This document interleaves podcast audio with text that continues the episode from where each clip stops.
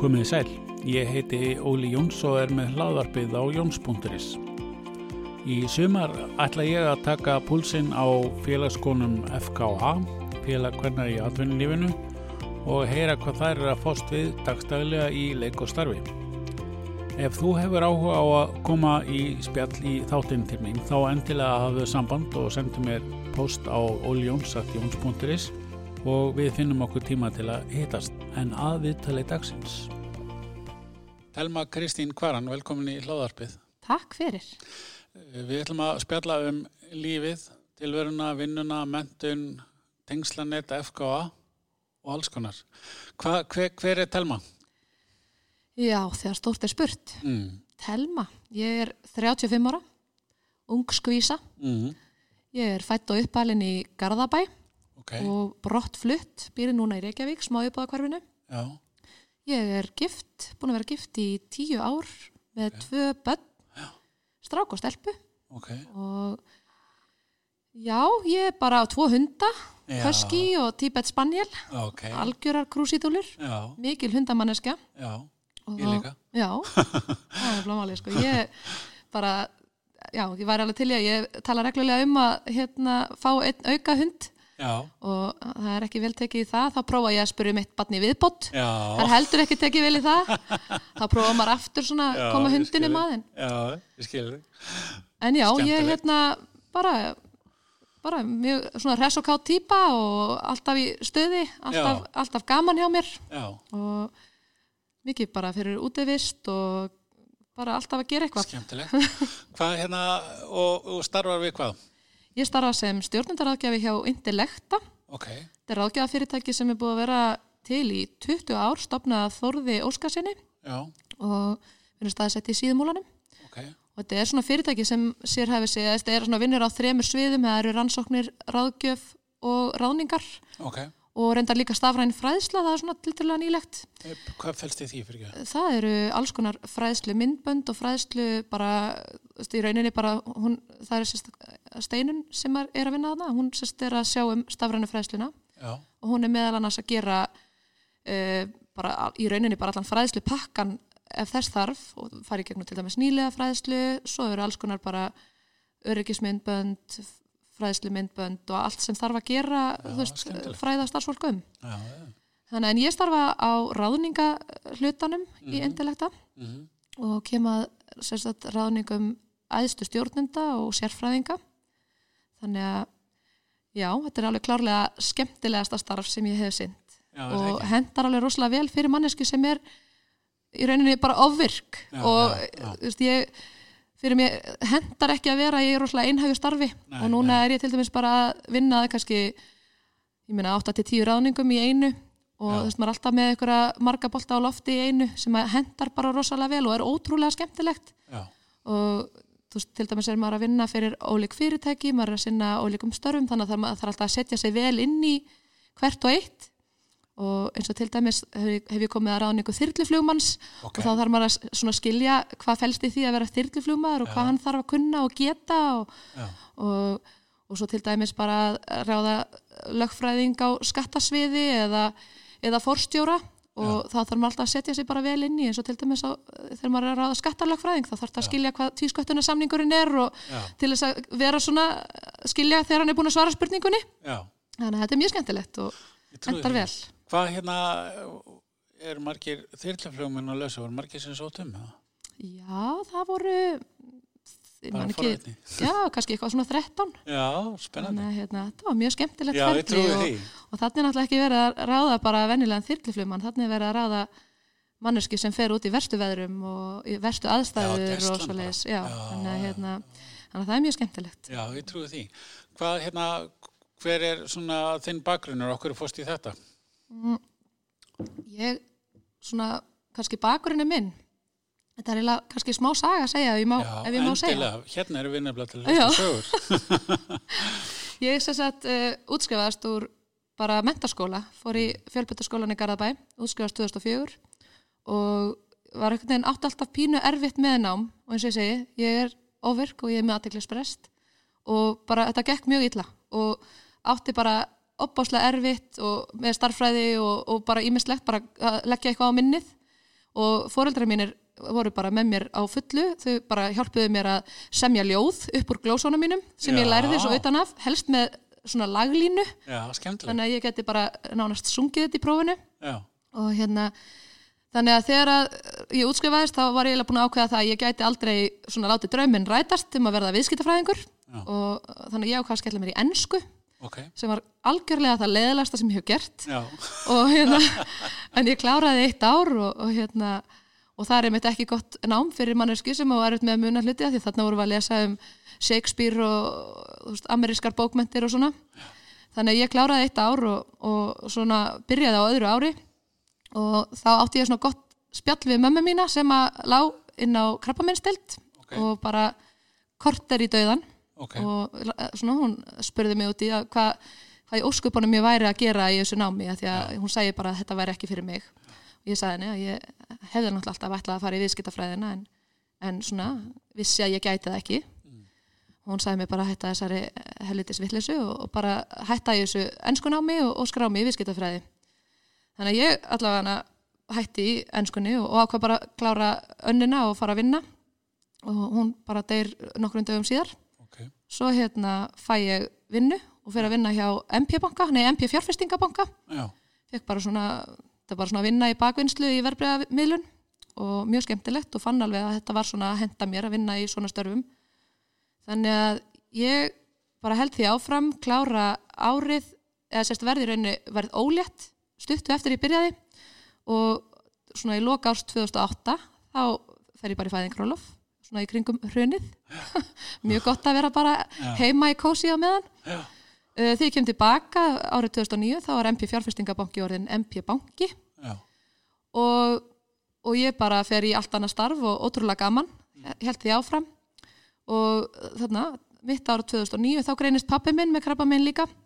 Og ég einhvern veginn sett ennþá allt á hold með nám Já. og held bara áfram að vinna og, og hérna svo deyr hann árið 2010 og, og þá ennþá einhvern veginn, þú veist maður bara komast aðeins í gegnum þetta með ungt batn og Já. svo verð ég bara ólitt aftur og eignast dóttur mína 2011 en svo þegar ég kem tilbaka úr fæðingarólóinu þá misti ég vinnuna Já. á MP banka það var búið að vera niðurskurður og þú veist þannig að við vorum búin að ganga í gegnum mjög mikinn rússipanna þarna já, ég trúi því. en Ég heyri það. Já, og hérna, en, en, en svona bara styrkir mann og þú veist, þegar maður missir vinnuna, þetta er náttúrulega ákveðið áfall, þú veist, þetta er alveg bara sérstaklega þegar maður er 25 ára, Já, já, þá er maður ekkert alveg búin að læra þetta og búin að gangi í gegnum mikið líka, en ég ákveð bara að láta það ekki stoppa mig og skráði mig bara sama dag í hérna, nám á háskólanum á, Bif- í Bifröst í viðskiptafræði, var reyndar orðin allt og sein, hann var komin ágúst og ég ringdi upp yfir, talaði við uh, sviðstjóran já, og hann, við tölum mörglega saman í klukkutíma en hann bara kvatti mig til þess að skrá mig og ég held ég að vera komin á vinnuhelgi bara viku síðar.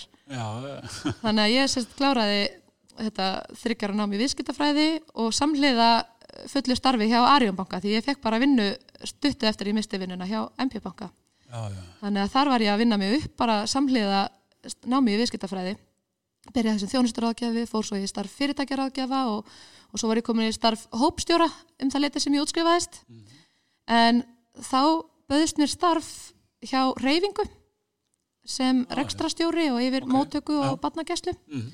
og ég ákvað bara að grípa það og alltaf einhvern veginn stemt í það að komast í stjórnunastöðu fann bara, og ég náttúrulega var svo sem alveg í millistjórnunastöðu þarna hjá Arjónbanka en fann að það var kannski ekkert mikið leið upp fyrir mig þar og þannig að ég tek hann að starfi hjá reyfingu og, og bara ótrúlega skemmtilegt og lærdómsríkt. Náði rosalega miklum árangri bæði bara í svona sölu aukningu og bara þetta gekk mjög vel, mjög skemmtilegt. Og eftir ári í starfi þá hvað ég að skrá mig í hérna, mastersnámi í mannustjórnun og, og syndi því samhliða fulli starfi og útskrifaðist 2018 og á og svona um það leiti sem ég var að útskrifast þá var mér búin vinna hjá Intellecta. Já, já, og sem sagt framkvæmtastjóri Intellecta, hann var leiðbynandi minni í rítgerðinu minni. Já, þannig að eitthvað lítið hafa gert rétt í þessari einmitt. og þannig að ég sem sagt hérna, byrja að vinna þarna í mæ 2018 og fann það eiginlega alveg bara strax að ég var þarna var ég á réttri hillu. Ég og bara já, fekk bara strax að taka að mér stóra ráðningar, tók að mér til dæmis eina fyrstu ráðningunum var fjármálustjóri Nova sem Já, var bara ótrúlega skemmtilega ráðning þannig að maður einhvern veginn, mann var treyst fyrir stórum ráðningum alveg strax Já. og auðvitað náttúrulega með stert fólk bak við mig og Já, geta alltaf leita til þeirra og, og svona stækkað í starfi Mhm. þannig að hérna alveg, já, mjög skemmtilegt Já, frábært. Eh, Skemmtileg að sagða, hérna, banki í reyfingu, það lítur að vera gríðarlega breyting. Já, Mjög ólíkt. þetta var ótrúlega ólíkt. Já, og það að fara úr svona, ég kalla þetta oft svona verndað umhverfi. Já, að vera í bankanum, það var bara risa kekkskúfa og það var allt til það var, þú veist, heilt herbergi með alls konar, þú veist, hefturum og blöðum og mitt. þú veist, það voru haustfagnaður og vorfagnaður og þú veist, eh, bara neymit, haustferð og vorferð og, og svo, þetta var allt svo stórt og mikið og, og fara yfir í, veist, alvöru fyrirtæki, veist, bara það sem var verið að passa upp á peningana og, Já, og þú veist, að reka hlutina almennilega, þú veist, það var verið að fylgja áallunum og vera, þú veist, eh, já, gera áallanir, fylgja áallunum, gera, þú veist, svona, passa upp á allt saman. Þetta var ótrúlega lærdomsrikt og, og ég fann það alveg svona eiginlega bara á fyrsta mánuðinum hvað þetta var mikið sjokk og mikið tilbreyting en vá hvað ég lærði mikið. Já, ég og, því. Og bara það að vinna með Ágústu Jónsson sem er frangatastjóri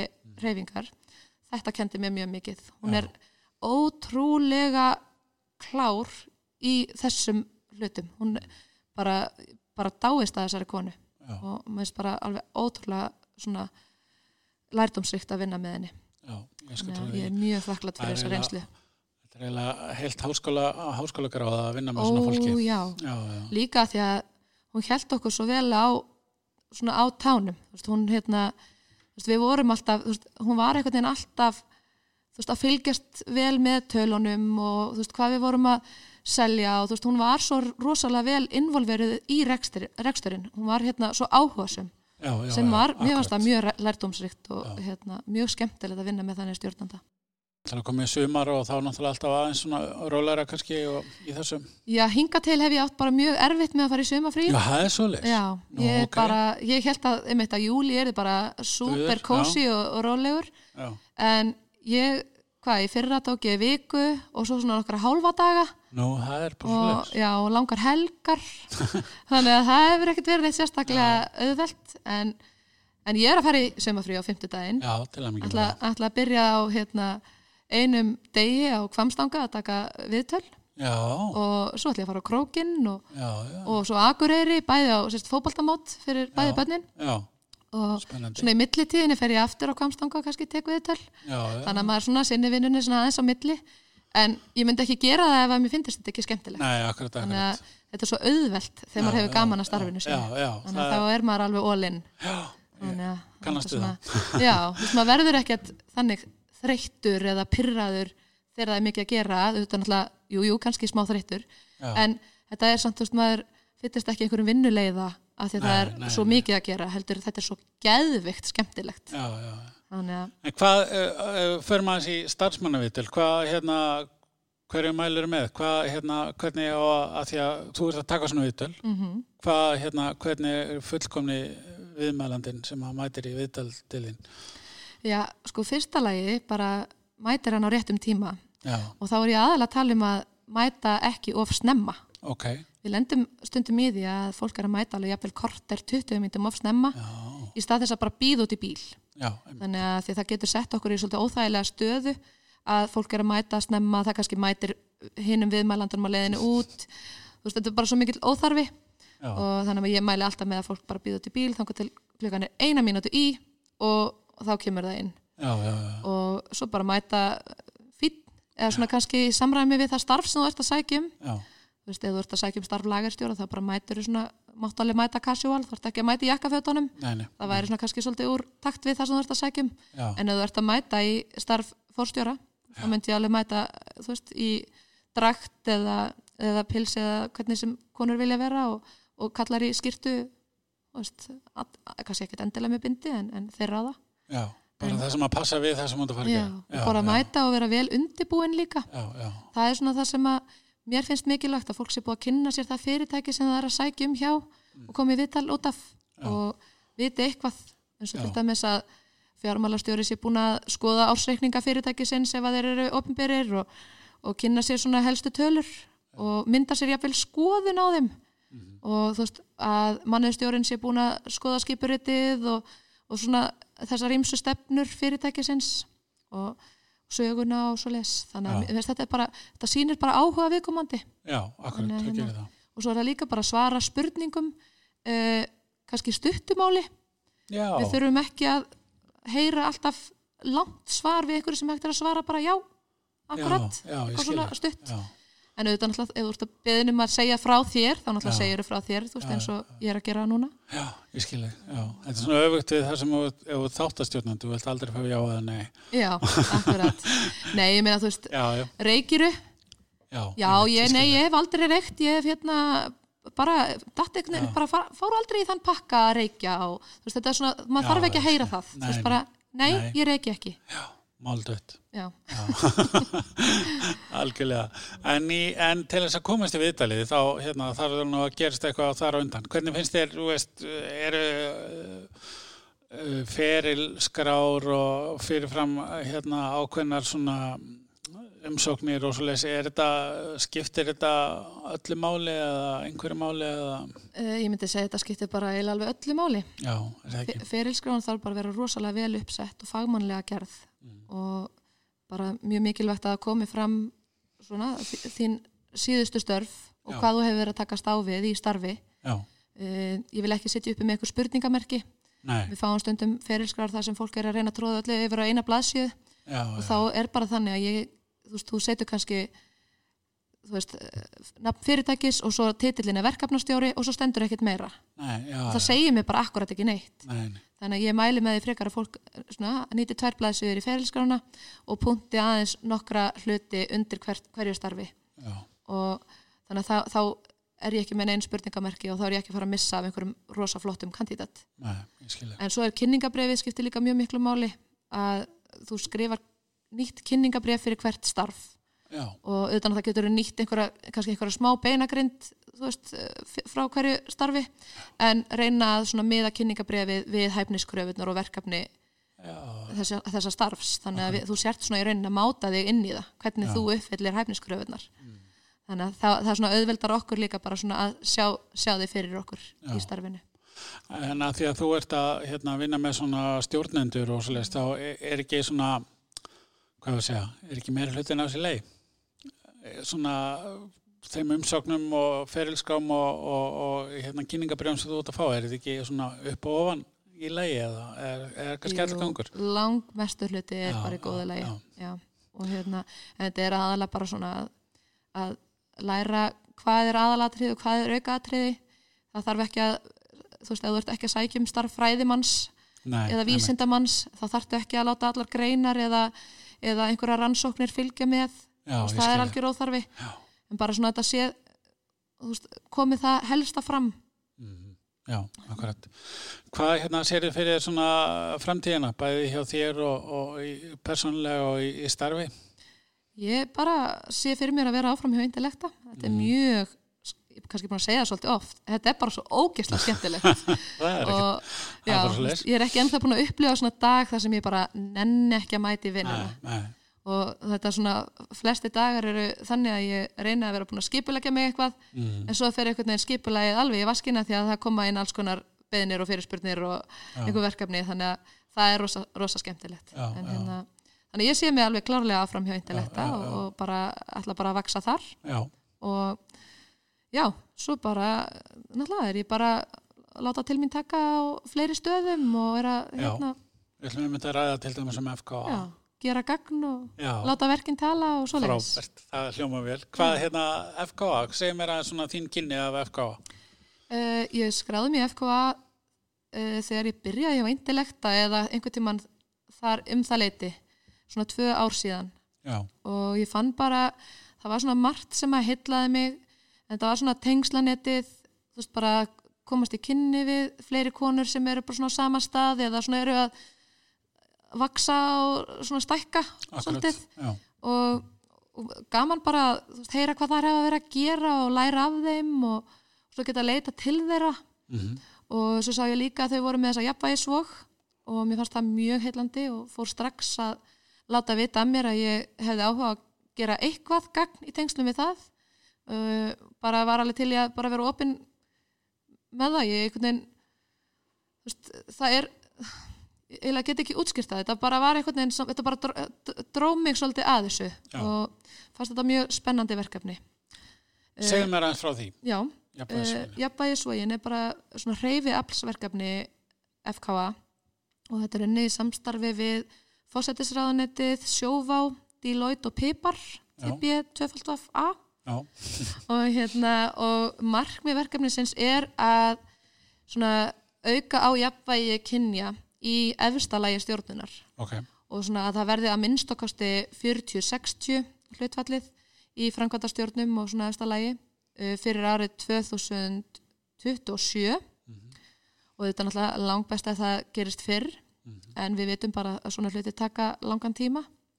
Og þannig að nú sérst uh, fyrir á þessu ári var ég sérst ráðin í hlutastarf sem verkefnastjóri jafnvægisvogarinnar þannig að ég vinn með jafnvægisvogaráði sem er svona stjórn jafnvægisvogarinnar um, í rauninni að því að vekja aðtikla á þessu verkefni og svona koma því á framfæri, reyna að fá fleiri þáttakendur til liðs við okkur og með þáttakendum þá meina ég að uh, fyrirtæki og stofnanir sem eru tilbúin til þess að eh, skuldbinda sig eða heita því að vinna að markmiðum jafnvægisvogarinnar um að jafna, hlutfall kynja í Ok. sín, sín, sínum, sínu efsta lægi og núna erum við komið með 74 fyrirtæki og stofnanir sem að hafa gengið til liðs við okkur og sem er náttúrulega bara alveg frábært og auðvitað náttúrulega mitt markmið er að ná að minnstakosti 100 Já, svona fyrir loka árs.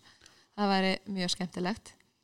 Og já þannig að svona og mitt hlutverk er mitt er, mitt að vekja aðtegli og hafa samband við fyrirtæki reyna að fá þau með okkur svona í þetta verkefni.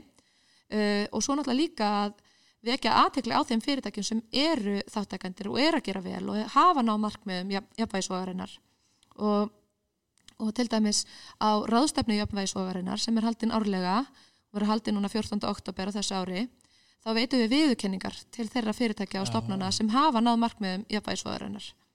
af hverju, eh, sko, hver er þín útskýring eða hérna svona, já, af hverju það er mikilvægt að, að þetta sé allavega 40-60 og helst 50-50? Sko, já, auðvitað náttúrulega helst 50-50 en við höfum 40-60 að því að oft er fjöldin í fram, framkvæmdastjórn ekki jafn, Nei, þannig að þú ert með 5 þá er náttúrulega náaldri að hafa 50-50 sko. akkurat. En svona það sem að ég myndi segja að bara ávinningurinn fyrir fyrirtæki verið með jöfn hlutföll eða að minnstakosti nokkurn veginn jöfn hlutföll er bara svona þessi orka Já, veist, þessi orku skipti, veist, það verður bara svona öðruvísi skoðanir um, svona bara þessi jöfn, jöfnu áhrif og svona ólíkar, já, þú veist, það verður ekki svona þessi einsleita framkvæmdastjórn. Já, maður sér það stundum að maður er að skoða stundum yfir framkvæmdastjórnir þar sem eru kannski fimm karlar yfir sextugt og svo ein kona og maður getur alveg ímynda sér hvernig orkan á fram, þeim í, svona, í því fundarherbyggi er. Já. þannig að ég held að jafnvægi sé alltaf, alltaf gott og Það er jákvæmt oft fyrir að, að uh, maður sé allir að vilja gerður. mm Þá er hérna er svona mitt mat allavega -hmm. að halda jafnvægi og eitthvað, þá er það alltaf öðru sig þegar það er uh, fólk frá uh, með sikvar, hvort sem að sé að öðru kyni eða aldrei Já. eða eitthvað það, það er bara einhvern veginn öðru sig að hafa það í kring, er það ekki? Jú, heldur en að þó þú sért með þó þú sért með sex kalla sem er allir eiga allir dætur og allir í jafnbretti og allt það, en þá er það samt alltaf öðru sig. Já, ég held að og ég held að sé líka bara einmitt að svona veist að koma bara einhvern veginn þetta, bara, já, ég get eiginlega ekki útskýrt á öðruvísi en bara þessi orka verður öðruvísi. Og þú veist að rannsóknir hafa líka alveg sínt að fyrirtæki og stofnanir með sagt, uh, svona jöfn hlutvall að þeim bara gengur betur.